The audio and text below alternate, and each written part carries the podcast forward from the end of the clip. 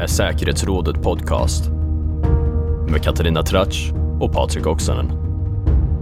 I detta avsnitt, kinesisk informationspåverkan.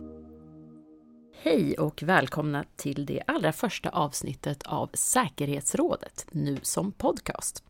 Ni kanske känner till bloggen Säkerhetsrådet, ett unikt forum för säkerhets försvars och utrikespolitisk debatt och diskussion i Sverige. Om inte, gå genast in på vår hemsida frivärd.se och läs den. Där behandlar vi de frågor som får mest uppmärksamhet inom de här områdena, men också de som har hamnat i medieskugga. Och nu när säkerhetsrådet också blir podd så betyder det att vi helt enkelt kommer att prata om aktuella frågor. I podden kommer vi att diskutera och fördjupa rapporter som vi släpper här på Frivärd. Och vi kommer också ha samtal med internationella gäster, då under den engelska titeln Security Council. Och ibland så kommer ni att höra både Katarina Tratsch, chef för Tankesmedjan Frivärd, och mig, Patrik Oksanen, Senior Fellow. Och ibland blir det bara jag, Katarina, och ibland bara Patrik. Vi dyker helt enkelt upp när det finns någonting att prata om eh, och då försöker vi skapa lite fördjupande samtal som ger lite mer helt enkelt. Som idag. Precis som idag. Idag ska vi diskutera ett tillstånd som vi befinner oss i, nämligen den grå zonen, som är någon slags mellanting mellan krig och fred. Det här är någonting som bland annat Säkerhetspolisen och den militära underrättelsetjänsten har påpekat. Eh, en del av den här gråzonen utgörs ju av att främmande stater söker påverka det demokratiska samtalet i vårt land. Och det här görs ju då från flera olika länder. Men just idag så ska vi prata om ett väldigt speciellt land och det landet är Kina. Precis. De senaste månaderna har Frivärd släppt ett antal rapporter om kinesisk påverkan. Och med oss här idag har vi författarna till de två senaste rapporterna. Ja, jag är en av dem. Eh, jag skrev om den kinesiska ambassadens attacker på svenska debattörer på sin hemsida. Precis, och den andra är vår fellow Per Nyrén. Du är vår allra första gäst i det här första avsnittet. Välkommen! Tack så mycket! Du har ju skrivit om den kinesiska enhetsfronten. Vill du berätta lite vad den är för någonting och vad den gör i Sverige? Enhetsfronten är eh, i korthet en koalition av aktörer eh, som verkar för främjandet av det kinesiska kommunistpartiets eh, mål. Eh, och det har sin rot i partiets historia och partiets inhemska eh, politiska system. Eh, där det handlar då om att få icke-kommunistiska aktörer eh, att bli en del av den här eh, koalitionen eh, på olik, med olika medel. Alltifrån manipulation eh, till andra eh, mer legitima samarbeten. och när man pratar om det här kan man i grunden prata om tre olika saker. En, en del är det så kallade enhetsfrontsarbetet som handlar om själva metoden för att bilda sådana här koalitioner. Eh, och det ska särskiljas lite grann då från bland annat det som kallas enhetsfrontsdepartementet, vilket är en del i kommunistpartiet, eh, inte själva staten då. Eh, och, sen, och det är en organisation då som koordinerar enhetsfrontsarbete. Och utöver det så finns det det som man då kallar enhetsfrontssystemet och det är då en myriad av aktörer eh, som på olika sätt eh, eh, det handlar om organisationer eh, knutna till studenter. Eh, det handlar om underrättelseorganisationer. Eh, olika sorts frontorganisationer som verkar för att genomföra enhetsfrontsarbete. Alla de här delarna är tillsammans eh, en del i eh, enhetsfronten. Det låter som att det är en formell struktur. Är det här någonting statligt etablerat i Kina? Eller? Eh, själva grunden är ju då i själva partiet eh, som då i det här fallet eh, Enhetsfrontsdepartementet eh, är ju då alltså inte en del av själva staten utan av partiet. Eh, samtidigt eh, Folkrepublikens kommunistparti alltså? Eh, precis. och samtidigt är det då flera statliga aktörer involverade i det här, alltifrån underrättelsemyndigheter till Utrikesdepartementet eller utrikesministeriet snarare, eh, i Kina. Men samtidigt ett antal olika aktörer som uppger sig för att vara eh, civila, men som egentligen är en del av det här enhetsfrontsystemet. Eh, och eh, ja, det jag tittade på i min rapport då var bland annat hur en del av de här organisationerna har förgreningar, eh, in, mer eller mindre formella, eh, gentemot svenska aktörer. Eh, och det handlar bland annat om eh, kopplingar till Kinas så kallade demokratiska partier. Eh, och då finns då alltså åtta stycken tillåtna partier i Kina utöver kommunistpartiet. Eh, det här är då inga oppositionspartier utan de eh, är så kallade vänskapspartier eh, som också bidrar till att uppfylla kommunistpartiets mål. Eh, och de, de om, du, om du kort bara skulle beskriva kommunistpartiets mål och det övergripande syftet med den här enhetsfronten, vad skulle du säga att det är? Eh, det är rätt mångfacetterat, eh, men i grunden handlar det om eh, att stärka kommunistpartiets roll och dess makt över Kina och även i förlängningen dess utrikespolitiska mål. Och det handlar allt ifrån det så kallade Sidenverksinitiativet till att värna kinesiska statliga narrativ i omvärlden. Och de här enhetsfrontsorganisationerna ägnar sig åt en hel del andra saker däribland överföring av teknologi. Eh, eh, och i viss mån så har enhetsfrontsarbete varit förknippat med spioneri eh, även. Har du några exempel på hur, hur det här arbetet bedrivs här i Sverige? Ja, som jag kom in på lite grann så finns det bland annat eh, kopplingar då till en organisation som startades häromåret som heter Nordic Qigong Association. Och namnet Qigong kommer då från ett kinesiskt parti, ett officiellt erkänt parti, tillåtet parti i Kina som heter The China Chugong Party. Eh, som då representeras eh, i det konsultativa organet i Kinas kongress eh, och som har förgreningar runt omkring i världen. Eh, det här är alltså ett parti som har som grund att de mobiliserar eh, kineser som eh, bor i utlandet eller har bott i utlandet. Eh, och de startade då den här organisationen här om året eh, uttryckligen för att eh, främja vetenskapligt och teknologiskt utbyte eh, samt kulturellt utbyte mellan Sverige och Kina, eller mellan Norden och Kina snarare. Eh, det är en del i det här. Eh, det låter ju väldigt fint att främja kulturella utbyten, teknologisk utveckling och så vidare. Ehm, de här orden, hur, hur, ehm, vad, hur lättlurade blir vi egentligen när någon uttrycker sig på så här fina ord i, i umgänget med den här typen av organisation? Ja, ofta tror jag att man inte känner till att eh, det handlar om eh, aktörer som är knutna till kommunistpartiet, eh, mer eller mindre direkt. Eh, samtidigt är ju många av kommunistpartiets mål eh, till synes eh, inte illegitima. Eh, teknologiskt utbyte är ett av dem. Eh, främjandet av kinesisk kultur eh, i omvärlden, inklusive i Sverige, är ju inte i sig illegitimt, eh, utan det handlar om att bygga relationer eh, på gräsrotsnivå, eh, i den mån man kan på högre nivå, eh, för att sedan utnyttja dem i tillfällen eh, där det behövs eh, politiskt. Eh, så själva systemet funkar för att man har samarbeten som inte är uteslutande illegitima, eh, som då ger dem viss legitimitet som de kan använda eh, när det behövs. Har du några exempel på, på andra länder hur det här arbetet har bedrivits eller kan bedrivas? Eh, det främsta exemplet är Australien eh, där man har haft eh, stora problem med ett antal olika aktörer knutna till enhetsfronten som har kommit väldigt nära in i den australiensiska politiken. Direkt har de fått kontakt med folkvalda politiker. De har haft nära kontakt med australiensiska tankesmedjor och kunnat påverka narrativ på det sättet. Och det har vi även sett att det här dyker upp i en kontext där den australiensk-kinesiska relationen är väldigt åtsträngd. Eh, och eh, där kommunistpartiet reagerar väldigt negativt eh, på att Australien uppmärksammar de här eh, beteendena. Eh, bara kan du ge några exempel på, på hur man har reagerat och i vilket sammanhang? Eh, det finns många exempel, men bara idag den 24 september så meddelade den nationalistiska tidningen Global Times att två stycken forskare som har beskrivit påverkansarbetet, Alex Josko och Clive Hamilton, är bannlysta i Kina. Det är en nyhet bara idag. Och det finns olika sorters liknande åtgärder. Australiensiska journalister har haft det väldigt svårt i Kina på sistone. Eh, tror du vi kan komma att se några, några sådana reaktioner mot Sverige? Det är alltid ett överhängande hot i alla fall. Eh, och jag tror absolut att vi ska se eh, Australien som ett skräckexempel på hur man kan, på, hur man kan utsättas eh, av påverkansarbete från kommunistpartiet. Eh, inget land ska anta att man är förskonad från det eh, journalist på, som var byråchef för ABC, Australian Broadcasting Company i Kina, kom ju ut här rätt nyligen eh, och berättade om sina upplevelser 2018. Det tyckte jag var väldigt starkt.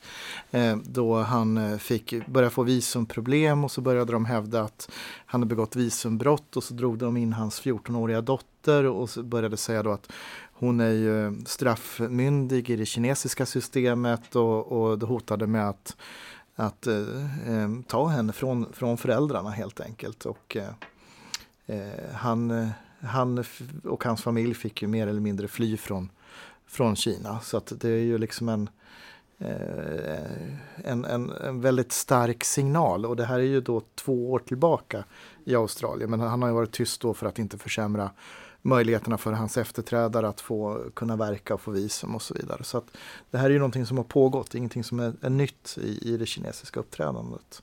Absolut, och bara de senaste veckorna har två andra journalister flytt på liknande sätt. Eh, en tredje som jobbade för ett kinesiskt statligt medium eh, sitter fängslad Eh, med anklagelser om att ha eh, ja, relaterade till den säkerhetslagstiftningen på fastlandet. Eh, så det är ett stort problem. Du nämner ju en sorts påverkan, eller det är en väldigt, en väldigt bredd genom enhetsfrontens arbete. Vi, vi ska rikta in oss lite på en mer specifik typ av påverkan eh, som du Patrik tar upp i din rapport om hur den kinesiska ambassaden arbetar här i Sverige. Vill du nämna några ord om det? Ja, men det, det, vi gjorde i den rapporten var ju att titta på vad eh, den kinesiska ambassaden har lagt ut på sin hemsida under en väldigt specifik flik, Spokespersons Remarks. Eh, och då eh, är det 67 olika uttalanden sedan 2018 eh, och de här 67 uttalandena är ju helt enkelt eh, utskällningar. Det är alltså officiella uttalanden från som, ambassadens Som ligger på ambassadens hemsida. Från kinesiska ambassadören, är det han som är avsändare? Det är ju ambassaden som är avsändare även om det inte är han personligen utan det är ju som spokespersons remarks, alltså talespersonens anmärkningar. Men det är ju det kinesiska kommunistpartiet, eh, den kinesiska staten som, som talar. Och, och, då har man byggt upp det här på ett sätt att, att eh, man eh, man har retat upp sig på någonting, man förlöjligar, hånar Eh, och säger att allting den här personen man attackerar eller myndigheten eller medieföretaget då eh, far med osanning och att eh, de som har ansvaret för eh, de svensk-kinesiska relationerna, det vill säga att det ligger ett hot i undertext om att om den här personen fortsätter säga de här sakerna så kommer det här att bli dyrt för Sverige för att det kommer att få ekonomiska konsekvenser och, och konsekvenser för relationen och så. Mm. Och, eh, kan du ge ett exempel på, på den typen uh, av uttalande mot någon specifik person eller medieföretag eller så? Ja men alltså det är ju ingen hemlighet att eh, Frivärd har nämnts tre gånger. Eh, Frivärds ordförande Gunnar Hökmark har nämnts tre gånger. Eh, och jag har också nämnts. Eh, så att enligt Folkrepubliken Kinas eh, Eh, ambassad så är jag kallblodig. Ehm, men eh, vi är ju i, i, sammanhanget inte de mest utsatta. Den allra, allra mest attackerade personen det är ju den svenska medborgaren, eh, bokförläggaren Gui Minhai som kidnappades från Thailand och sitter fängslad i Kina. Som också är ju ett, ett väldigt allvarligt konsulärt ärende för att Kina erkänner ju inte hans svenska medborgarskap. Men det är någonting de lägger stor möda vid att, att ta upp och då enligt ja. den här modellen du beskriver. På, Precis, på all, all uppmärksamhet på, på, på det här fallet har liksom får då motreaktionerna. Eh, så att eh, han personligen är ju uthängd allra, allra, allra flest gånger men vi hittar också högt upp i, i om vi kan kalla det för uthängningstopplistan. Så hittar vi eh, Kurdo som har engagerat sig väldigt mycket i, i hans fall. Som är en journalist? Eh, journalistdebattör. Som skriver om de här frågorna? Ja, eh, och där finns också hans dotter eh, Angela. Eh, så att det här är ju en, en, en väldigt tydlig inriktning på det. Men vi ser också att, att Eh, till exempel eh, SVT och Svenska Dagbladet har omnämnts flitigt. Eh, och eh, vi I ser vilka sammanhang har de omnämnts? Ja, SVT så är det ju Svenska nyheter. Eh, satirprogrammet alltså? Ja, eh, kinesiska kommunistpartiet och Xi Jinping och eh, de pallar inte med satir. Eh, det är farligt för en kommunistdiktatur. Eh, så att då har ju de gått i taket och krävt ursäkter och så. Och, Vid inslag som har satiriska inslag om Kina ja, och kinesiska precis. kommunistpartiet. Alltså. Ja, och, och händelser som, som berör Kina. Det var ju en väldigt uppmärksammad incident för ett par år sedan med, med kinesiska turister som fick avhysas från ett eh, hotell eller ett vandrarhem. Jag kommer nu inte ihåg på rak arm vilket det var men, men eh, det blev en, en, en, en skandal i det. Eh, och vi ser då att, att, men framförallt så är det ämnet som har att göra med mänskliga rättigheter. Det är då ambassaden reagerar. Det är då de känner sig hotade. Vi ska inte lyfta upp frågor om mänskliga rättigheter i Kina. Vi ska inte lyfta upp frågan om förtrycket av uigurer i Xinjiang-provinsen. Ehm, det är ju över en miljon enligt uppgifter då i, i, i så kallade omskolningsläger, vilket i praktiken är en form av etniskt baserad inspärrning. Vi kan kalla det för koncentrationsläger utan att dra associationerna till gaskammare, men, men det är ändå en typ att du koncentrerar en befolkning till, till läger eh, utifrån en etnisk eh, tillhörighet. Eh, vi har Tibet och vi har säkerhetslagarna i Hongkong och Hongkong-demonstrationerna. Eh, Taiwan är också väldigt känslig för, för Kina. Eh, och eh, det är det här man då reagerar på. Men då, och då vi... reagerar man alltså på, på uppgifter och eh, fria inlägg i debatten som publiceras i svensk press och av svenska fristående organisationer. Precis, och så uppmanas då svensk press att ta ansvar att inte upplåta plats åt de här debattörerna längre i pressen. Och eh, då ska vi komma ihåg att det här är bara en en kanal som ambassaden använder sig av. Man använder sig av e-postande också direkt till, till berörda. Det kan vara till tidningar, till politiker och andra. Eh, ambassadören själv kan göra uttalanden. Och sen så finns det ju andra verktyg som en, en makt som, som Kina då kan använda sig av. Hot om ekonomiska konsekvenser, hot om indragna visum. Är du forskare beroende av att vara i Kina så är hot om ett indraget visum kanske förödande för din ditt jobb helt enkelt. Eller en journalist som då ska åka till Kina och vara korrespondent eller, eller få förnya sitt visum. Så det där leder ju då till, till eh, en, en ökad risk för självcensur. Mm. Hur eh, stämmer det här in om vi breddar blicken lite? Du har tittat på det svenska exemplet. Eh, per, du har tittat på enhetsfrontens arbete i Sverige. Om vi tittar på ett globalt perspektiv de här olika sorternas påverkan, hur, hur hänger de ihop? Kan ni ge era betraktelser av det? Ja, en del i alla fall i det här, i några av de exempel som Patrik tar upp, är att eh, kommunistpartiet ser sig eller anser att Kina har så kallade kärnintressen som bland annat inkluderar eh, landets, att värna landets suveränitet och dess territoriella integritet. Eh, och det här är frågor som är särskilt känsliga Eh, för dem. Eh, och där eh, de eftersträvar eh, så kallad Huaychuan, ett begrepp som ungefär betyder narrativmakt, eh, som också ungefär kan eh, förstås som rätt att yttra sig i vissa frågor. Så det handlar både då om att kommunistpartiet vill att världen ser på de här frågorna eh, utifrån sitt perspektiv, utifrån kommunistpartiets perspektiv alltså, men även används det här begreppet då som ett uppfordrande sätt att säga att andra länder har inte rätt att yttra sig om de här frågorna. Så det är en grundläggande del eh, i kommunistpartiets sätt att se på sin roll i världen. Skulle ni säga att den har varit framgångsrik? Alltså, man kan inte mäta framgången i våra korta tidsperspektiv.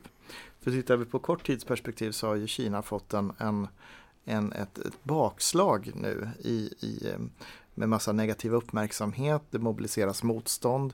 Vi sitter och pratar om det här och, och bedriver eh, folkupplysningsarbete genom att ta upp det här och medvetandegöra eh, lyssnarna om, om hur det här fungerar och vilka, vad det syftar till. Eh, men min bild är i alla fall att Kina jobbar med lite längre horisonter än, än här och nu och kanske det närmsta året. Utan då har vi ju målsättningen om, om 2049, 100 år med kommunistpartiets styre och var Kina ska befinna sig då. Och det är 30 år framåt i tiden och det är klart att står och slår någon i huvudet och det blir jobbigt varje gång i 30 års tid så, så uppstår det psykologiska effekter.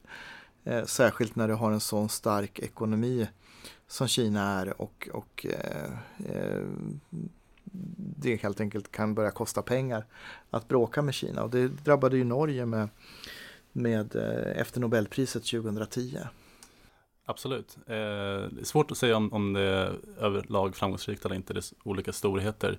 Eh, men det har i alla fall effekten eh, ja, så som Patrik tog upp det här då, att, att eh, utöver att eh, ja, de får motstånd, att, att eh, folk eh, upprörs av de olika beteendena, samtidigt har en lite skräckenjagande effekt eh, som kan mana till tystnad, kan eh, hindra olika länder från att eh, vidta olika sorters åtgärder som man annars kanske hade vidtagit.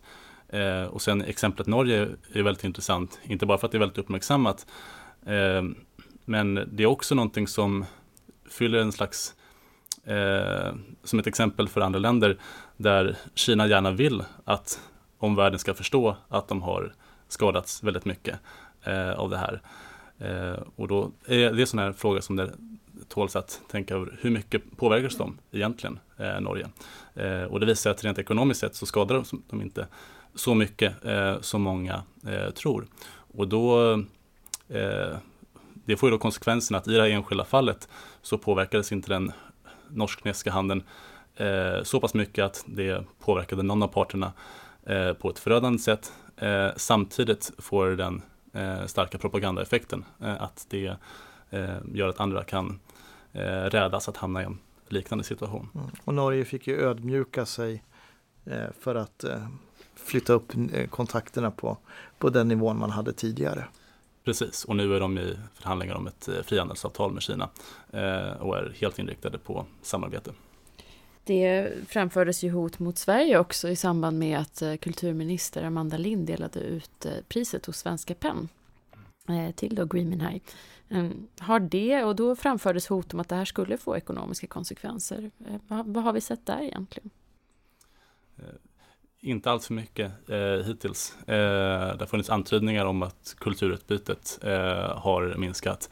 Eh, utsträckning av det eh, är även lite oklart. Eh, men i många av de här fallen så kan det vara bra att vara lite cool eh, och ta det på allvar men ganska noggrant eh, i vilken mån de följer upp det hela. Och eh, vi har ju kommit in på det lite här, men hur, hur, ska man hantera de här utmaningarna? För klart är ju att de finns. Eh, det finns för Sverige, det finns för andra länder. Vi har sett Norge, vi har sett Australien, vi har sett en rad länder som har fått hot om repressalier ehm, för utövning av det fria ordet. Men ehm, vad, vad, tycker ni? Ska, vad ska den övergripande strategin vara här? Vad säger du Patrik? Jag skulle säga att det första vi behöver göra, eh, och det är ju på ett tydligare sätt identifiera vad är våra nationella kärnvärderingar? Vad är våra red lines? Vad är totalt oacceptabelt för oss? Och det är totalt oacceptabelt för oss menar jag att, att den kinesiska ambassadören eh, och den kinesiska ambassaden beter sig på det sättet som de gör i, i syfte då att, att eh, påverka den svenska debatten. Eh, så där har vi liksom en, en, ett kärnvärde att försvara och aldrig backa från. Eh, och när vi har identifierat de sakerna så måste vi också inse att, att den här kampen som egentligen handlar i grund och botten om vad är det för värld vi ska leva i det här århundradet. Är det eh, auktoritära staters värderingar eh, och en, en 1800-talsvärld med intressesfärer? Eller är det en regelbaserad värld som bygger på universella mänskliga rättigheter? Det är det som är den övergripande eh, konflikten och, och, då måste vi agera tillsammans med likasinnade Eh, som har samma värderingar och samma mål som oss och att agera snabbt och solidariskt när ett land blir attackerat och markera stöd. Eh, så att jag ser framför mig en, att det behöver byggas en, en coalition of the willing därför att vi har problemet som svensk politik ofta gärna pratar om att vi ska lösa vår Kina-politik på EU-nivå. Och EU kommer att ha svårt att, att fatta beslut i enhälligt i de här frågorna och då är det viktigt att länder går före och ställer sig på, vid en linje och sen räknar med att resten kommer efter. Eh, och inte stå och vänta på att någon annan ska kliva fram. Och lite av den här frustrationen tyckte jag också att man såg i, i Ursula von der Leyens eh, tal, EU-kommissionens ordförande, när hon pratade inför Europaparlamentet i State of the European Union. Ehm, just då EUs svårighet att, att, att komma till skott i de här frågorna och egentligen en uppmaning att, att vänta inte utan kliv fram. Så att det är det jag ser framför mig. Per, vad tycker du att vi ska dra för slutsatser i våra relationer till Kina? Ehm, den grundläggande slutsatsen eh, skulle jag säga är att det handlar om en slags ideologisk rivalitet eh, och att det är mer grundläggande eh, än att hitta gemensamma intressen i små enskilda frågor utan att se det i sin helhet. Eh, som Patrik säger, både förstå våra egna värderingar eh, och samtidigt också förstå kommunistpartiet utifrån sina egna eh, förutsättningar. Eh, och att se kommunistpartiet fortfarande som en ideologisk aktör Eh, och det här är ju då en, ett parti med en eh, idiosynkratisk ideologi men likväl ideologiskt inriktat. Eh, och att vi ser det i de termerna. Eh, en grundläggande del måste vara EU-samarbetet eh, som en del eh, i EUs nya syn eh, på Kina har man sedan förra året pratat om Kina som en eh, ja, samarbetspartner, eh, förhandlingspartner men även en systemrival. och det här är någonting som från början sågs som en, en positiv eh, sak att man pratar om systemrivalitet. Eh, samtidigt är det eh, noterbart att EU inte riktigt vet vad man pratar om när man pratar om systemrivalitet. Eh, utrikeschefen Josep Borrell har fått frågor nu senast i somras om det här och har eh, inget eh, klart svar eh, om vad man faktiskt menar med det här. Eh, och det, för att man ska kunna ha en gemensam EU-politik behöver man delvis eh, ha en någorlunda gemensam uppfattning om Kina Eh, det vore bra om man inte behöver enhällighet i alla frågor. Eh, Samtidigt så finns det eh, en elefant i rummet eh, i EU-sammanhanget och det är Tyskland. Eh, Tyskland har inte en klartänkt eh, Kina-politik. Där finns det fortfarande tankar eh, om att man ska förändra landet eh, genom att ha handel.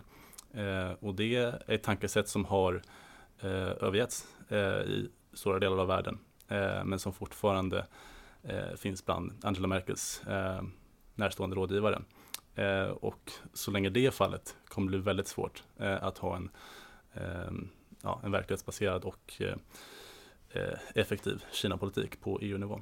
Kina är ju inte det enda området vi har ett tyst problem när det gäller eh, inställning. Vi ser ju samma problematik när det gäller Ryssland. Så att det, det, de där sakerna går lite grann hand i hand i, i, i Tyskland på en positiv not så skulle jag väl säga då att jag tycker att vi ser en, en, en större ökad realism ändå i, i det tyska synsättet gentemot Kina och Ryssland, men de är inte där ännu, där de borde vara. Och svaret på de här problemen, på de här utmaningarna förstår jag att ni båda tycker är mer klarsynthet och mer kunskap. Eh, och det är ju någonting vi har bidragit med genom denna podcast och eh, genom publiceringarna av era två utmärkta rapporter som finns att ladda ner på Frivärds hemsida frivärd.se.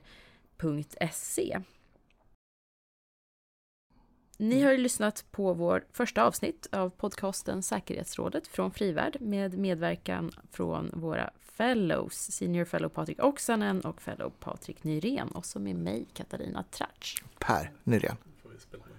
Vad sa jag? Patrik Nyrén. Okej, vi tar sista, en liten paus där så vi kan klippa. Jag tar sista meningen igen. Annars har du skärmet med fel i, i poddar också. Ja, fast nu har vi fortsatt så länge. Nu börjar vi om. Du har du har just lyssnat på en podd från Frivärd, podden Säkerhetsrådet, där ni har hört våra fellows Per Nyrén och Patrik Oksanen, också mig, Katarina Tratsch. Och podden finns att lyssna på där poddar finns. Premier prenumerera heter det, gärna så att du inte missar när nästa avsnitt dyker upp. Och så hörs vi när vi hörs. Ha det gott så länge. Ha det gott.